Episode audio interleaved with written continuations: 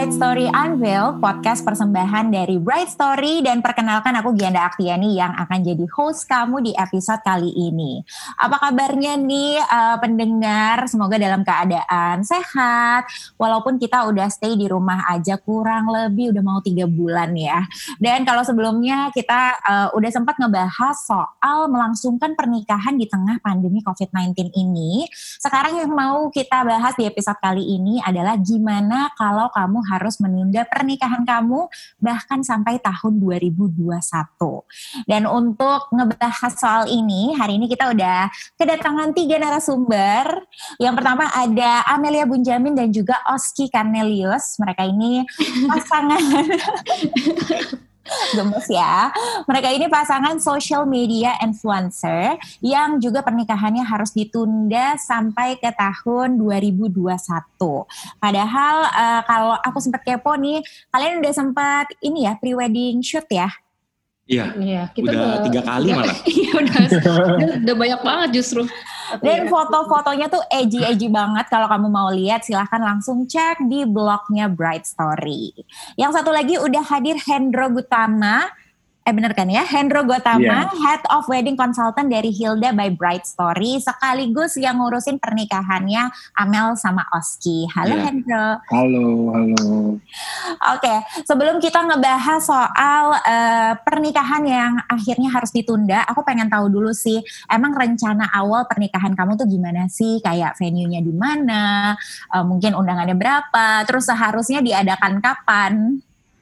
Ya, jadi uh, kita emang plannya tadi uh, untuk rayaannya sih tahun ini Juni. 27. Iya, tanggal nah. 27 Juni. Kita hmm. udah pilih venue uh, di Kepinski Apurva. Kita emang dari dulu selalu pengen merit di Bali sih. And hmm. it's because like the vibe is so great juga kan. Benar enak lah. Uh, holiday vibes. liburan ya. Yes, holiday vibes. Jadi emang that's our goal dari awal. Kita nggak mau yang kayak cuman merit satu hari. Kita pengennya ngebuat like a whole weekend party gitu loh. Orang datang bisa sampai stay 2-3 hari. Ya, jadi kayak liburan kecil juga for our guests. Jadi it's a whole experience dan I think semua orang yang ngerayain di Bali juga ngerasain seperti itu sih. Tapi hmm. uh, for our wedding we we plan to have um, only 300 guests. Hmm. Jadi kita juga pengennya nggak terlalu rame. Uh, intimate juga enggak sih, tapi mungkin untuk uh, kelas orang Indonesia 300 udah dikit kali ya. Iya, biasanya kan 2000. biasa ya gede kan? banget gitu weddingnya. Kalau bisa satu komplek diundang, diundang. iya. tapi ya kita usahain untuk kayak memperkecil jumlah tamu lah, karena emang kita nggak mau terlalu ramai juga. Dan ya, yeah, that was the plan initially. Mm-hmm. Sampai Tadi, akhirnya uh, kalian memutuskan untuk menunda pernikahannya ke tahun 2021, itu prosesnya gimana sih? Apakah sempat uh, mempertimbangkan untuk tetap di tahun ini tapi skala yang lebih kecil dan gimana akhirnya kalian memutuskan untuk ya udah ditunda aja deh ke tahun 2021? Uh, eh, kalau untuk ini saya sih udah nanya ke teman sama keluarga kan. Mm-hmm. Kebanyakan juga yang nggak bisa itu yang ada di luar negeri soalnya mereka kan kena uh, travel ban hmm. terus udah gitu uh, pesawatnya juga nggak boleh terbang jadi di refund dipaksa gitu loh kalau misalkan hmm. kalau tetap mau pergi nanti kena uh, self quarantine sendiri ya yeah. selama dua minggu jadi lebih baik ya udah ditunda aja deh gitu apalagi cece saya cece saya kalau misalkan datang dia bawa anak tiga masih pada kecil gitu. Hmm, repot iya. banget kan? Kalau Rizky juga ya. Iya tuh hmm. Rizky jadi sebenarnya keluarga inti kita kayak misalnya cici dia sama adik aku itu dulu hmm. lagi di luar negeri. Jadi kalau misalkan mereka balik mereka harus karantin like two weeks two weeks gitu loh. Dan juga it's hmm. impossible lah untuk ngerayain wedding during this pandemic. Kita juga mikir um, efeknya tuh kayak gimana sih nanti ke depannya? Karena kan ini bukan hal yang kecil gitu loh nggak hmm. bisa kita rayain dipaksa-paksain maksa orang hmm. datang dan most probably juga people would prefer not to travel during this time hmm. so ya yeah, kita lebih memilih untuk menunda sih uh, sebenarnya tadi kita sempat mikir ya udah tetap tanggal 27 Juni hmm. dengan kapasitas tamu 100 sampai 150 orang doang kan? Iya, kayak uh, Hendro paling tahu banget deh. Soalnya kita Soalnya saya telepon dia terus, saya telepon dia terus. kita tiap hari gangguin Hendro. Saya telepon dia terus sama bagian venue juga saya telepon terus. Iya. Tapi ya untuk 100 tamu kayaknya nanggung banget gitu. Iya, dan juga uh, mungkin aja gitu loh dari 100 tamu bisa aja nggak dateng gitu loh. Benar. Kan dari situasi seperti ini juga masih susah. Masalahnya kita juga meritnya di Bali, orang harus Hmm. travel. Jadi it's a lot lah. So we consider to just push back, Pos, ya, postpone. ya postpone uh, the reception supaya jadinya uh, tahun depan. Tapi Tanggal 27 Juni ini. Iya, tanggal 27 ini uh, kita decided untuk celebrate kecil-kecilan aja sih, just uh, holy matrimony di biar rumah. sah menikah secara agama dan Mm-mm. juga kumpul-kumpul cuma keluarga doang. Jadi Mm-mm. eh, keluarga inti, keluarga dari saya, keluarga dari Amel ngumpul cuma kayak ya udah nih sebagai saksi eh, sah secara agama, secara keluarga udah gitu. Kalau ini udah jadi pasangan suami istri, celebrate nanti eh, 2021 kita juga nggak keberatan. Meskipun bukan di bulan Juni, Iya. kita tahun depan di bulan Mei Iya. 2021.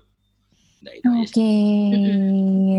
Tapi berarti di Jakarta dulu ya yang Juni Hmm. ini ya. Iya, tapi kita emang cuman uh, pengen benar keluarga inti aja sih. Jadi it's more of a Hmm. Apa ya? Intinya. Ya gathering lah. gathering kecil lah, just to signify this day.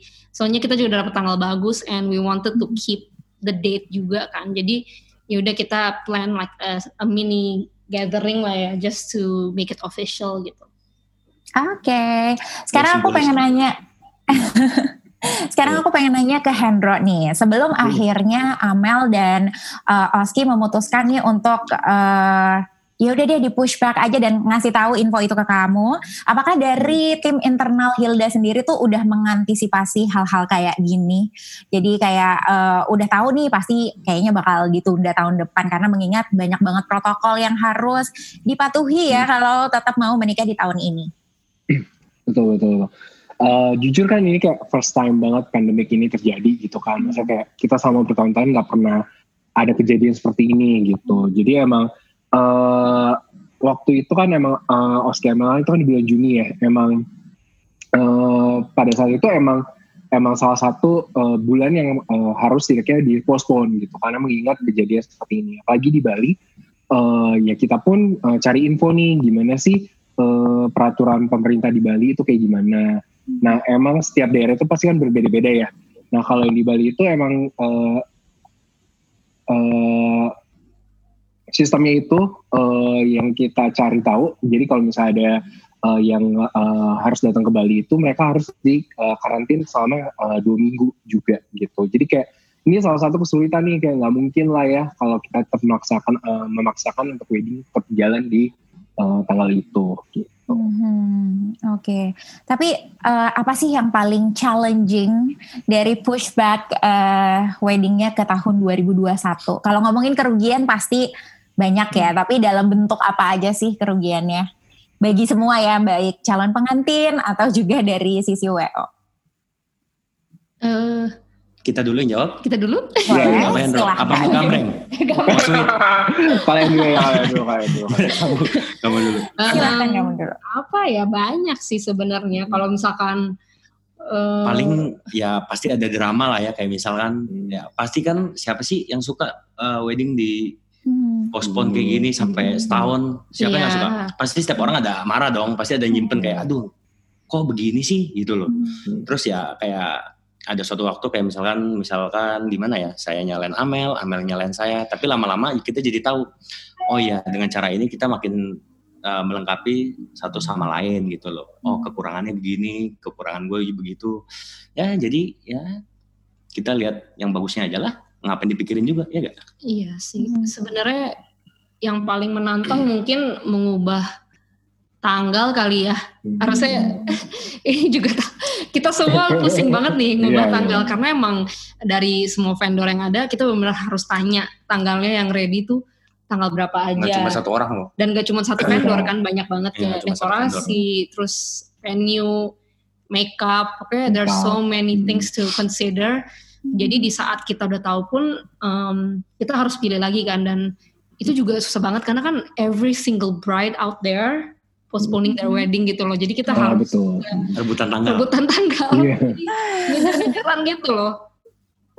Oke, kalau dari Hendra sendiri apa yang paling challenging? Ya ini paling challenging itu pasti cocokin tanggal gitu karena kan Mm-mm. eh, nggak cuman eh, satu vendor ya dan uh, Oski dan Amel kan vendornya juga banyak gitu. Untuk cocokin itu semua untuk disamakan itu pasti eh, paling challenging. Udah gitu untuk nentuin tanggal yang eh, pas pun kan juga semuanya berebutan gitu karena kan eh, rata-rata pasti klien tuh pada postpone eh, ke tahun depan gitu ke awal Hmm. tahun gitu. Oke. Dan kalau misalkan sama Bali sih ya, soalnya kan ada musim hujan sama musim Hmm. kemarau kan. Itu yang kita consider juga. Kita nggak bisa ganti ke asal tanggal. Misalkan lagi musim hujan kan outdoor kita wedding, jadi eh Tuh. wedding kita outdoor. Outdoor. Outdoor Outdoor kita. kita berarti di depan ini banyak yang wedding. Oh, Oke. ya wedding wedding kita kan outdoor. Jadi emang pertimbangan cuaca tuh penting banget kayak kita makanya merit kayak harus kayak sekitar Mei itu karena ya eh, baru bisa yakin gitu loh nggak bakal hujan at least lebih gede lah chance-nya untuk nggak Soal, hujan iya, soalnya di bulan Juni yang hari Sabtu sama Minggu nggak ada. sama sekali nggak ada karena Hmm. Juni is like a good month kan I think everybody knows kayak Juni ke atas tuh kayak Mm. emang plus plus plus Iya. pokoknya kayak semua orang pasti nyarinya di bulan-bulan itu Mm-mm. Kita iya. juga hari Jumat kan? Iya, kita juga dapetnya Kita juga, juga hari Jumat, hari Jumat. Uh-uh. Mm. But that's okay sih. Kayak I really feel like um, as long ya as sih. it's Long weekend yeah jadinya. the weekend Hmm. Jumat Sabtu Minggu masih oke lah. Jadi masih bisa still have the same experience Hmm. as our wedding previously gitu. Mhm. Tadi kan Oski udah sempat nyinggung dikit nih siapa sih pasangan yang mau menghadapi ini gitu kan pastinya eh, sedih sempat down juga tapi gimana kalian akhirnya bisa saling menguatkan satu sama lain Eh, kebetulan saya sama Amel tuh nyari kegiatan kayak kan kita sama-sama ada demen game lah bisa dibilang kan. Iya, kita Jadi, suka main game banget Iya, sih. dari zaman PUBG, PUBG komputer. Nah, terus udah gitu Amel main Animal Crossing. eh, saya juga ikutan. kita berdua main saya juga, saya juga ikutan main Animal Crossing tuh. Ya kan? Kita setiap hari main Iya. Animal Crossing. Saya tadinya main GTA loh, ngerampok orang. Sekarang jadi mancing. Beda jauh banget ya. Ya Iya. gimana ya, kita cari sesuatu segala yang saling ada aktivitas Mhm. gitu loh. Apalagi lagi kayak gini kan. Ya udah jaga jarak ya udahlah ketemulah di game gitu loh online sama Hmm. teman-teman juga bisa kayak misalkan GTA kan bisa sampai 10 bahkan lebih gitu loh. Iya, waktu awal-awal sih memang kita um, very disappointed lah. I think every bride and groom would feel the same way gitu loh. Hmm. Uh, disappointment is normal karena for something you've been waiting for a year, obviously it feels like a burden gitu loh untuk Hmm. mundur lagi another year. Dan sebelumnya kita juga udah pernah undur actually ya nggak sih? Kita udah undur 2 tahun jadinya sebenarnya for this wedding to happen. Hmm. Jadi waktu awal-awal kita masih in denial gitu, masih kayak udahlah hajar Udah, aja gitu. aja. Tapi lama-lama ya udah reality lalu muncul. Iya, but in the end it's all fine I Iya. think. Mungkin di awal kecewa, cuman sekarang I feel really like chill about it gitu loh. Kayak Apalagi juga ada kegiatan juga kita kegiatan bareng. Ya grup Mm-mm. donasi kamu juga lumayan berjalan kan? Iya, kita Hmm. juga bikin grup donasi untuk membantu para dokter. Jadi Namanya apa? Goods for Good. ya, kita juga bantu donasi gitu. Dan ya itu mengisi waktu banget sih. Jadi eh, karena kita banyak kegiatan juga, nggak bener kayak kosong, nggak ngapa-ngapain.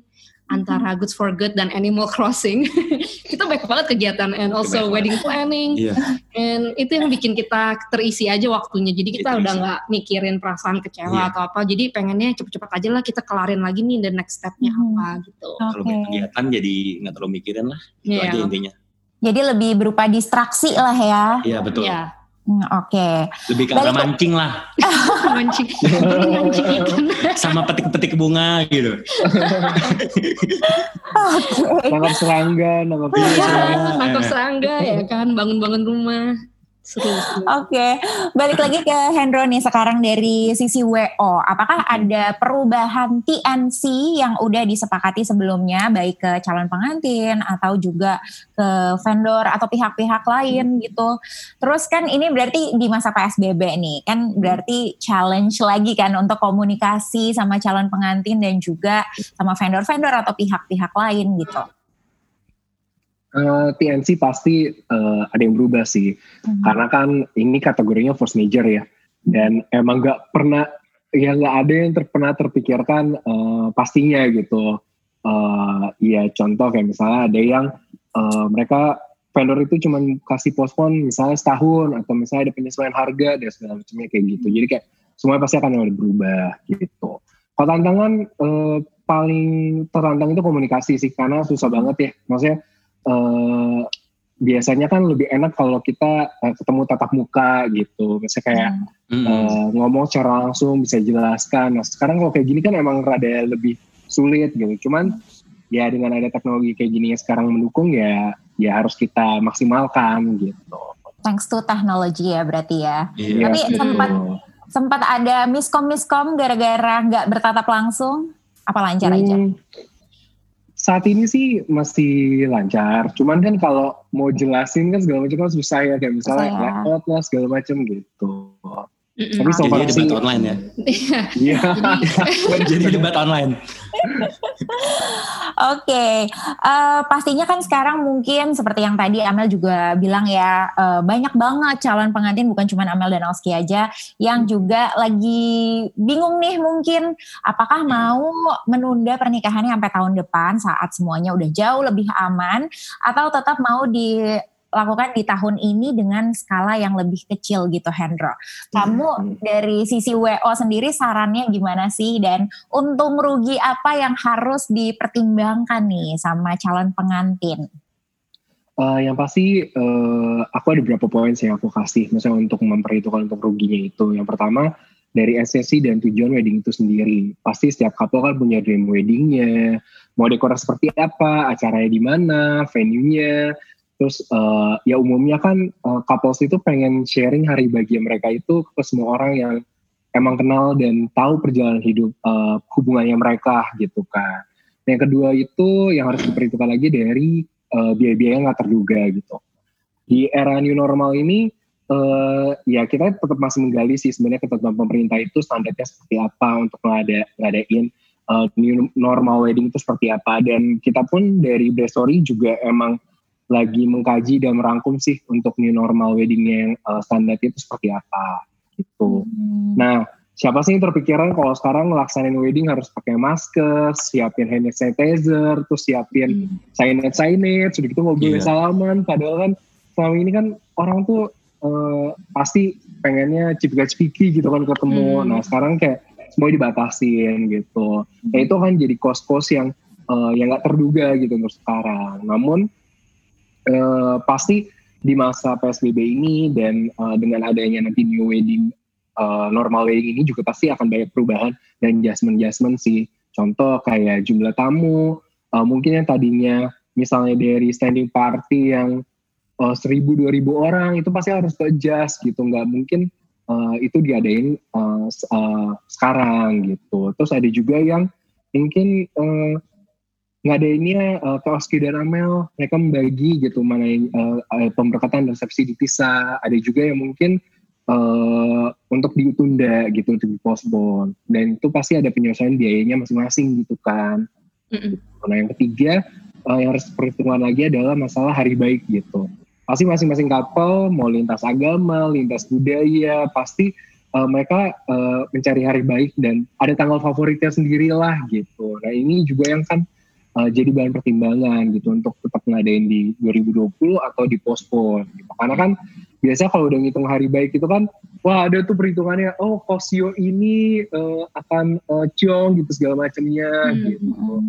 Nah menurut aku sih tiga hal penting ini yang uh, yang akan dijadikan pertimbangan mana sih yang harus di jadi prioritas, mana sih yang harus dikorbankan. Contohnya misalnya, oh hari baiknya itu emang tahun ini, tapi yang nggak bisa ngelakuin dream weddingnya ya mau nggak mau harus di uh, perkecil gitu untuk weddingnya dan untuk uh, acaranya pun juga diubah hmm. atau ya udah uh, lebih baik tahun depan aja di uh, uh, pengen wujudin tetap dream weddingnya mereka gitu. Hmm. Oke, okay. semoga jadi dapat pencerahan ya para brides and groom to be yang lagi dengerin sekarang. Dan balik lagi ke Amel sama Oski, um, pastinya banyak nih yang perlu uh, saran karena kalian kayaknya bisa melalui ini dengan cukup baik. Jadi ada saran gak sih untuk para calon pengantin yang juga harus menunda pernikahan mereka atau mau saling menguatkan juga boleh? Mungkin kapalnya boleh kali ya weddingnya pakai baju APD. ya, ya, ya, Apa ya sarannya? Tetap putih ya, tetap putih. Iya, ya, tetap putih. Sama face shield. Iya. Jadi kalau misalkan emang mau dilanjutin wedding nggak dipospon, ya saran saya adalah diperkecil aja. Kayak misalkan cuma keluarga inti, jadi nggak celebrate gede-gedean. Itu celebrate gede-gedean mungkin bisa diubah langsung ke after party sama teman-teman gitu loh. Hmm. Ngerti gak maksud saya? Jadi kurang lebih kayak gitu kali ya. Iya. Jadi yang penting banyak saksi mata aja. Misalkan ada yang belum plan dan misalkan uh, wanted to plan a bigger wedding. Sebenarnya waktu di awal-awal kita benar-benar pengen banget sih travel wedding gitu. Jadi kayak hmm. cuman pergi ke satu lokasi langsung get married and then it's all done. Kayak I think that's like hmm. the easiest way to get to get married. Itu gitu. paling tamu cuma berapa? Iya. Yeah. Temen cuma berapa? Uh -uh. Keluarga. Misalkan emang belum ada yang planning bisa juga uh, untuk mungkin make a small party lah. I think it's quite beautiful juga gitu kalau misalkan keluarga inti aja yang ada di sana dan just a few of your friends and um, I think that's something that you guys could reconsider as well. I think dari Hilda pun sendiri ada program untuk small weddings ya kan? I remember yeah. you guys telling me about it. Yes, yes, yes. Jadi it's emang this is a new normal. Obviously we all know that. Tapi how do we get over it? I think we have to overcome it by being together with it gitu loh. Kayak just accepting the situation and coba dari situasi yang sekarang kita cari solusinya apa. And I think there are so many solutions now with the technology being so great yeah. juga kan. Yeah. Dan um, one of it is this and small weddings is fine. You can obviously do a lot of things with it. Jadi there are so many options. Jangan feel like broken hearted atau kayak anxiety lah. Iya. Mm-hmm. I think obviously awal-awal pasti ada perasaan kayak gitu. Cuman kita harus beradaptasi. Harus beradaptasi. Gimana apa solusinya untuk kejadian kayak gini? Ya semua harus ada lah. Kalau enggak ya. Yeah, I think with everything harus seperti itulah. Jadi just go with the flow and you will be okay. Oke, okay, semangat untuk para calon pengantin. Berarti konsep pernikahan kalian nih yang di tahun 2021 apakah masih sama sama konsep awal atau ada perubahan? Kayaknya masih sama sih.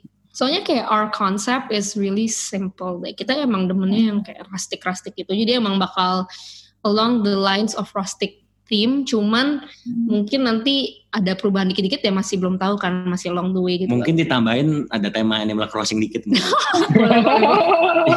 gantung-gantung ikan iya. gitu. jadi ada tetangga gitu kan yang kambing kayak apa gitu iya. langsung Hendro yang pusing ya Hendro yang pusing aduh caranya di mana nih props props kan bener, yeah. bener, bener. tapi ya our wedding is quite simple lah we don't want it to be uh, Simple gak sih sebenarnya? Hmm. Kalau menurut simple, Hendro, simple gak sih? Apa kita over the top? Cuman kita mikirnya simple nih. ya buat simbolik aja lah yang penting simple yang penting yeah, ya tapi kayak I think it's quite simple lah kayak we don't have like a specific theme kita benar-benar ngikut aja sih jadi ya yang penting vibesnya enak yang penting uh, ngumpul ngumpul tamu enjoy the party yang penting tuh after partinya kayak uh, itu sih yang penting kayak gathering, just having fun, celebrating, and I think that's what a reception is, just to celebrate with the people you're close to. So hmm. sebenarnya wedding decor itu second thing lah, yang penting indah aja, hmm. tapi ya simple kok, it's just rustic vibes. Ya, bagi kalian yang punya masalah kayak gini juga pasti bisa kok untuk lewatin ini semua. Yeah. Oh. jadi semangatin langsung sama Amel, uh, Oski dan juga Hendro. Jadi untuk bride dan grooms to be di luar sana yang juga lagi uh, mempersiapkan pernikahannya di tengah pandemi ini, semangat karena kamu nggak sendirian. Ada bride story yang siap membantu kamu merencanakan pernikahan di tengah pandemi ini. Kamu bisa coba online wedding packages dari Bright Story. Paket-paket pernikahan ini pastinya udah sesuai standar kebijakan pemerintah soal penanggulangan penyebaran COVID-19. Jadi online wedding packages ini bisa dibilang adalah solusi pilihan aman untuk kamu mempersiapkan pernikahan dengan tetap menomorsatukan keselamatan dan kesehatan calon pengantin dan juga keluarga. Jadi langsung aja dicek di brightstory.com slash online wedding packages atau kalau mau tanya-tanya dulu juga boleh via email ke package at brightstory.com. Oke, kalau gitu terima kasih banyak untuk Amel, Oski, dan juga Hendro yang sudah sharing-sharing. Semoga yang dengerin bisa tercerahkan dan semoga lancar ya pernikahannya di tahun you much. Oke, okay, dan terima kasih juga untuk kamu yang udah dengerin. Jangan lupa untuk stay tune terus di Bright Story Unveiled the podcast. Episode selanjutnya bisa kamu tonton di IGTV-nya at The Bright Story atau juga didengerin di Spotify-nya Bright Story Unveiled the podcast. Akhir kata, aku Gianda Aktiani mau undur diri dulu. Until next time, bye. Bye-bye. Bye-bye.